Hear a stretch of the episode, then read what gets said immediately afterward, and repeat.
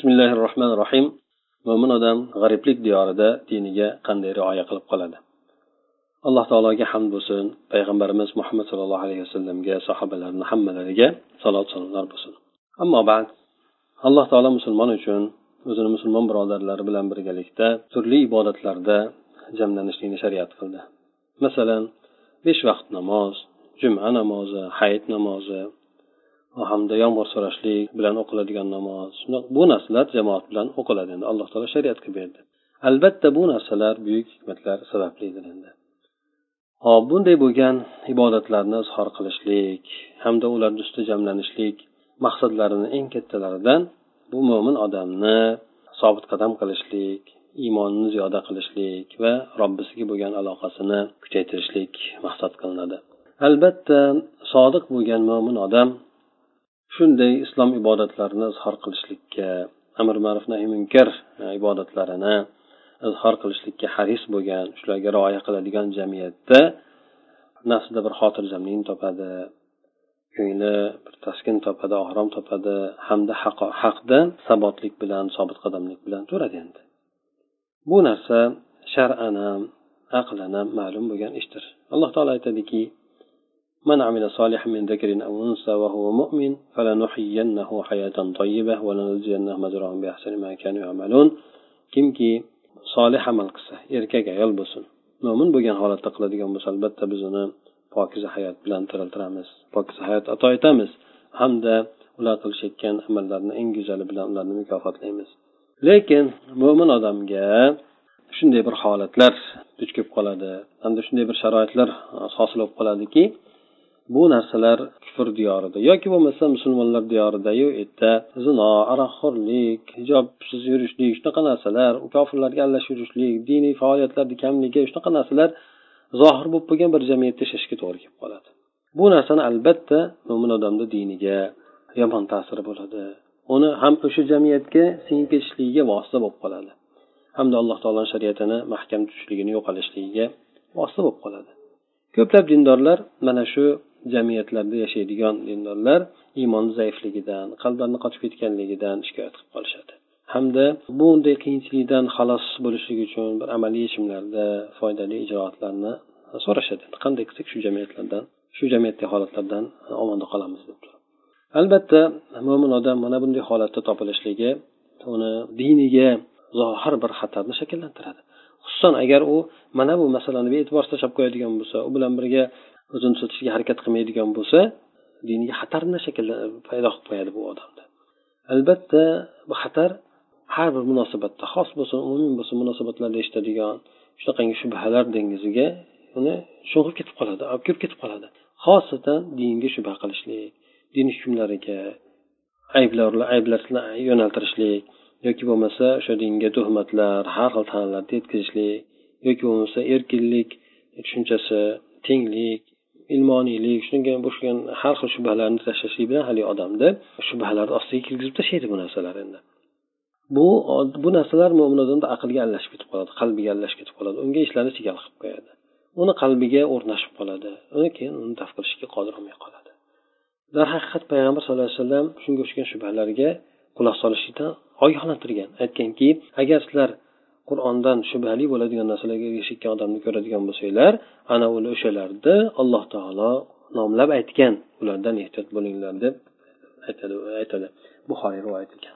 Yana xuddi shuningdek bu shubhalar to'g'risida bo'ladigan bo'lsa endi u yerdayu kech kundarang bo'layotgan ular bilan ta'sirlanib qolayotgan shahvatlar dengizga g'arq bo'lib ketib qoladi endi.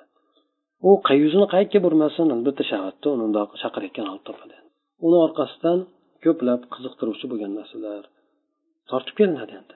Gunoh ishlarni osonlikcha qilishlik hamda kuzatuvni alloh tomonidan bo'lgan kuzatuvni his qilishligini zaif bo'lib qolganligi hamda man qiluvchi bo'lgan narsalarni yo'q bo'lib qolganligi shunaqa narsalarni olib keladiki bu narsalar haligi insonni ularga uzoq muddat qarshi turishlikka qarshilik qilishlikka qudrati yetmaydigan qilib qo'yadi. Rasululloh sollallohu alayhi vasallam aytdilarki badiru bil amali soliha fasatakunu فتنا قطع الليل مظلم يصبح رجل مؤمنا ويمسي كافرا ويمسي مؤمنا يصبح كافرا يبيع دينه بعرض من الدنيا solih bo'lgan amallarga shoshilib qo'yinglar hali sizlarga hali shunaqangi bir fitnalar sodir bo'ladiki bu qup qorong'i kechani ko'rinishiga zulmatlariga o'xshaydi endi bir odam mo'min bo'lib tongab turadi kechga borib kofir bo'lib qoladi bir odam mo'min bo'lib kechga turadiyu ertamagacha kofir bo'lib qolishi mumkin Hamda dinini dunyodan bir arzimagan narsaga sotib yuboradi dedi. Muslim rivoyat ekan. Albatta mo'min odam iymon darajasini kuzatishlik hamda diniga muhofaza qilishlikka haris bo'lishlikni bee'tibor tashlab qo'yadigan bo'lsa bu narsa uni juda xatarli bir chuqurliklarga xatarli o'rinlarga tushirib qo'yadiki bu u odamni ikki yo'ldan bittasiga borib qo'yadi oqibatda. Yo u bu odam bu jamiyatdan butunlay suratda uzilib ketadi. Ahlidan ham jamiyat bu jamiyatdan jamiyatda yashaydigan odamlardan butunlay uzilib ketadi.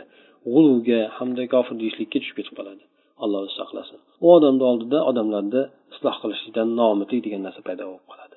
Va o'ylaydiki mana shunday qilishlik bilan u qalbini xotirjam qilgan va o'z muammosini tugatgan hamda dinini saqlab qolishlikka qodir bo'lgan. Shunaqa deb o'ylab qoladi o'zi. Bu birinchidan. Ikkinchidan bo'lsa jamiyatga qo'shilib ketishlik beparvolik ham jamiyatga singib ketishlik yomon odatlari bilan rasvo ishlari bilan bo'lsin hamda jamiyatda yashaydigan odamlarga o'zi asoslarida bo'lsin har xil turish turishlarida bo'lsin ular o'rganib qolishgan shu narsalar bilan birga yurishlik garchi shariatga muxolif bo'ladigan bo'lsa ham bu ko'rinib turgan ma'siy ishlardan endi. Ularni mana bunaqangi erkinlik mana bularga o'xshashlik hamda do'st ollohni dushmanidan do'st tutishlik shunaqa narsalarda sherik bo'lib ketishlik mana shunaqa narsalardan bo'lib qoladi endi bu yerda. U borib borib turib o'zini bir mustaqil bir haviyasiz bo'lib qoladi endi. Hamda bu narsa uni bu narsaga uni solib qo'ygan narsa nima bo'ladi? Bu ongini pastligi bo'ladi. Hamda dunyoni oxirat ustidan afzal ko'rganligi qat'iyatini zaifligi bo'ladi. Ikkala yo'l ham demak xato. Shariatga muxolif. Bir tomondan haddan oshib ketib qoldi bir tomondan esa beparvolikka yo'l qo'ydi. Musulmon odamga mana bunday sharoitda dinini saqlab qolishlik iymonni himoya qilishlik rasululloh alayhivasalamni sunnatlarini lozim tutishlik shariatini mahkam tutishlik lozim bo'ladi. Hamda dini o'zgarib ketib qolishligidan qalbi chappa bo'lib ketib qolishligidan demak juda qattiq ehtiyot bo'lishi kerak bo'ladi. Qalblar tez o'zgaradi. Shuning uchun payg'ambar sallallohu alayhi vasallam buni aytib o'tganlar. Demak mo'min odamga diniga baxil bo'lishi kerak. Hamda dindan bironta narsani yo'qotib qo'yadigan bo'lsa dunyoda yo'qotgandan ko'ra qattiqroq qayg'urish kerak shunga bezovta bo'lish kerak. Bizni holatimizga bugungi kunda holatimizga o'xshagan bo'lib qolmaslik kerakki biz dunyodan yo'qotib qo'ygan narsamizga qattiq achinib kuyinamizda agar dinimizdan biron narsa ketib qoladigan bo'lsa unchalik parvo qilmay qo'yganmiz. Kimki din uchun g'am qiladigan bo'lsa dunyo uchun g'am qilgandek din uchun g'am qiladigan bo'lsa albatta uni qalbida hayot nur bo'lgan bo'ladi endi. Qalbida hayot nur ham zulmat bo'lgan bo'ladi endi. Kimki dinidan ajrashlikka qayg'urmaydigan bo'lsa va uni yo'qotganligiga qayg'urmaydigan bo'lsa buni qalbi o'lik qalb bo'ladiki u hech qanaqangi bir harakati yo'q bo'lgan. Demak unga namoz o'qib qo'yaversin juda bitgan qalb bo'ladi lekin kimni qayg'usi diniga kattaroq bo'ladigan bo'lsa dunyo uchun bo'lganidan ko'ra albatta uni qalbi hayo bor nur bor hech kim zulmat yo'q bo'lgan. Albatta bu uchala suratda eng yaxshisidir endi. Qachoniki mo'min odamga bunaqangi bir zaiflik suskashlik shunaqa narsalar hosil bo'ladigan bo'lsaki bu narsani ta'sirotini tavba bilan istig'for bilan ketkazadi endi. Balki musibat mana shunday g'aflat davom etishligi hatto uni oxiri halok qilib yiqitguniga yiqitgunigacha shunaqa davom etishlik bo'ladi. Albatta bu yerda mo'min odam dinini saqlab qolishlik uni salomatligiga yordam beradigan muhim omillar bor. Agar mo'min odam bu narsalarni ushlaydigan bo'lsa haqda mustahkam turadi. Sharoitlar qanchalik qiyin bo'lmasin g'arblik qattiq bo'lmasin haq ovozi zaif bo'lmasin mo'min odam mahkam ushlaydigan bo'lsa yordam beradigan omillar bor. Bulardan birinchisi mo'min odam alloh taologa duo qilishlikda chin ko'ngildan chin qalbdan alloh taolo duo qilib davom etishlik mahkam turib davom etishlik sobit qadam qiladigan narsalardan. Payg'ambar sallallohu alayhi vasallam dinda sabot bo'lish sobit qadam turishlik bilan ko'p duo qilardilar. Mo'min odam agar duosida qattiq so'raydigan qattiq turadigan bo'lsa alloh taolo bilan rostgo'y bo'ladigan bo'lsa ijobatga ishonuvchan bo'ladigan bo'lsa hamda qalblarida musaffo bo'ladigan vaqtlarni ixtiyor qiladigan bo'lsa hushuga kelsa alloh taoloni va'dasiga rag'bat qilib rag'bat bilan ulug'lab duo qiladigan bo'lsa albatta alloh taolo uni duosini ijobat qilishligiga lozim loyiq bo'ladi u odam endi. Hamda uni murodini ro'yobga chiqarib berishligiga loyiq odam bo'lib qoladi. Xosatan mustar odamni da'vati bilan duo qiladigan bo'lsa duosi bilan duo qiladigan bo'lsa. Alloh taolo aytdiki muztor bo'lgan odam agar unga allohga duo qiladigan bo'lsa kim uni ijobat qiladi? Kim unda yomonliklarni ochib tashlaydi? Kim sizlarni yer xalifalari qiladi? Alloh bilan birga boshqa ilohmi sizlar ozroq istisno olyapsizlar yaxshilik e'tibor beringlar bu narsalarga deb alloh taolo aytdi. Ikkinchidan bu birinchidan ikkinchidan mo'min odam aniq bilishi kerakki hidoyat tavfiq alloh taoloni qo'lida. Uni xohlagan bandalariga o'zi rostgo'yligini shunga loyiqligini bilgan xohlagan bandasiga beradi. Agar shu narsani aniq biladigan bo'lsa robbisidan yordam so'raydi. Qalbi robbisiga bog'laydi. O'zini kuch quvvatidan zakovat aqldan hammasidan pok bo'ladi inson. Kimki alloh taolo umidini allohga bog'lasa unga suyansa allohni beradigan narsasiga qattiq ishonadigan bo'lsa alloh taolo unga yordam berishligiga loyiq bo'ladi. Alloh bilan birga bo'lishligiga loyiq bo'ladi. Alloh taolo unga barakotlaridan toshirib beradiki qalbini xotirjam qiladigan ko'nglini tinchlantiradigan narsani o'z barakatlaridan alloh taolo beradi. Qalbini iymonga ochadigan uni haqda mustahkam qiladigan yordam tashlab qo'ymaydi keyin shaytonga tarq tashlab qo'ymaydi. Payg'ambar sallallohu alayhi vasallam aytdilarki hadis qudusiyda alloh taolo aytadi. Men bandami men bilan bo'lgan gumonidaman u bilan birga bo'laman agar meni zikr qilsa. Agar meni ichida zikr qilsa men uni nafsimda zikr qilaman. Agar meni bir jamoani ichida zikr qiladigan bo'lsa men uni ulardan ko'ra yaxshiroq bo'lgan jamoani ichida zikr qilaman dedi. Agar banda menga bir qarich yaqinlashadigan bo'lsa men unga bir bir ziro yaqinlashaman agar menga bir ziro yaqinlashadigan bo'lsa men unga bir quloch yaqinlashaman agar u men yurib keladigan bo'lsa men unga yugurib boraman dedi. U ikkinchidan uchinchidan demak ya'ni yaxshi amallardan ko'proq qilishligi hamda farz sunnatlarga mudovamatda bo'lishligi. Chunki yaxshi amalga mudovamatda bo'lishlik bu alloh bilan bo'lgan aloqasini kuchaytiradi qalbni mustahkamlaydi to'ldiradi va nafsga poklikni nurni beradi ongni beradi. Toat ibodatni qalbga a'zolarga bo'lgan ta'siri nihoyatda ko'zga tashlangan bu yorqin narsadir endi. Bu uchinchidan to'rtinchidan albatta biz bir vaqtda doimiy suratda robbisini xoli bo'ladigan maxluqotlardan chetlanib ular dunyo o'tmish o'tkinchi bo'lgan dunyolardan chetlanib robbisini xoli turadigan vaqt qilishligi robbisini eslaydi o'zini hisob kitob qiladi xatosiga yig'laydi robbisi bilan bo'lgan ahdni yangilaydi. Mana shunaqangi majlis yig'inlarda albatta mo'min odamda iymoniy quvvat olishligiga katta ta'siri bor. Qalbini har xil kirlardan har xil illatlardan yuvib tashlashlikka u dunyo fitnalarini maxluqotga aralashishlik izdan kelib chiqadigan bog'lanib qolgan shunaqangi har xil kirliklar boshqa narsalarni qalbidan yuvib tashlashlikda katta ta'siri bor. Agar bu narsada banda sustkashlikka yo'l qo'yadigan bo'lsa uni quvvatlari zaiflashib qoladi dini yumshalashib noziklashib ketib qoladi.